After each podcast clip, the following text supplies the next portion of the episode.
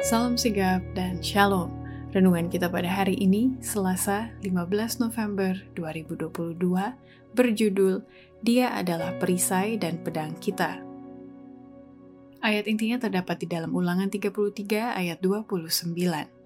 Berbahagialah engkau, hai Israel, siapakah yang sama dengan engkau, suatu bangsa yang diselamatkan oleh Tuhan, perisai pertolongan dan pedang kejayaanmu.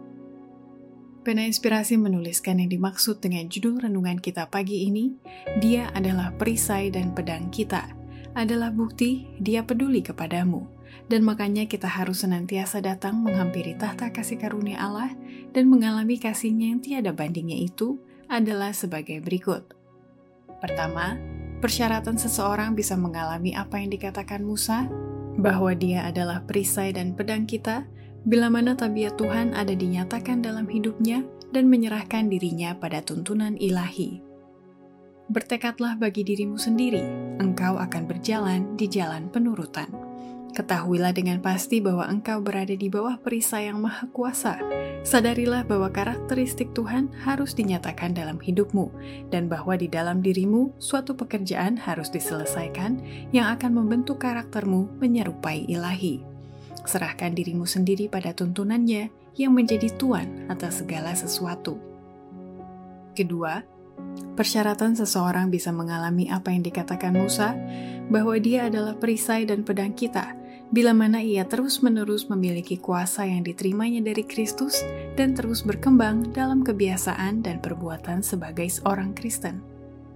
Para anggota keluarga harus menunjukkan bahwa mereka terus-menerus memiliki kuasa yang diterima dari Kristus.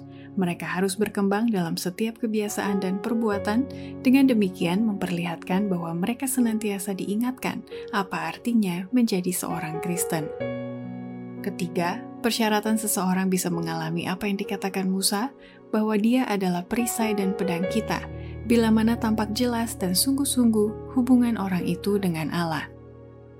Hubungan antara Allah dengan setiap jiwa adalah jelas dan penuh, seakan-akan tidak ada jiwa lain bagi siapa dia telah menyerahkan anak yang dikasihinya.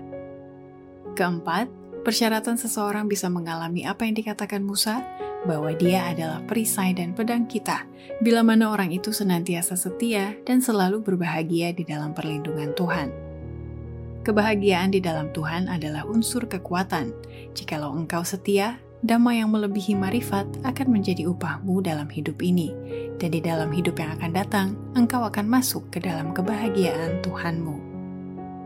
Kelima, persyaratan seseorang bisa mengalami apa yang dikatakan Musa, bahwa dia adalah perisai dan pedang kita, bila mana orang itu menyadari bahwa dunia ini adalah sangkar Allah dan bukan surga bagi orang Kristen.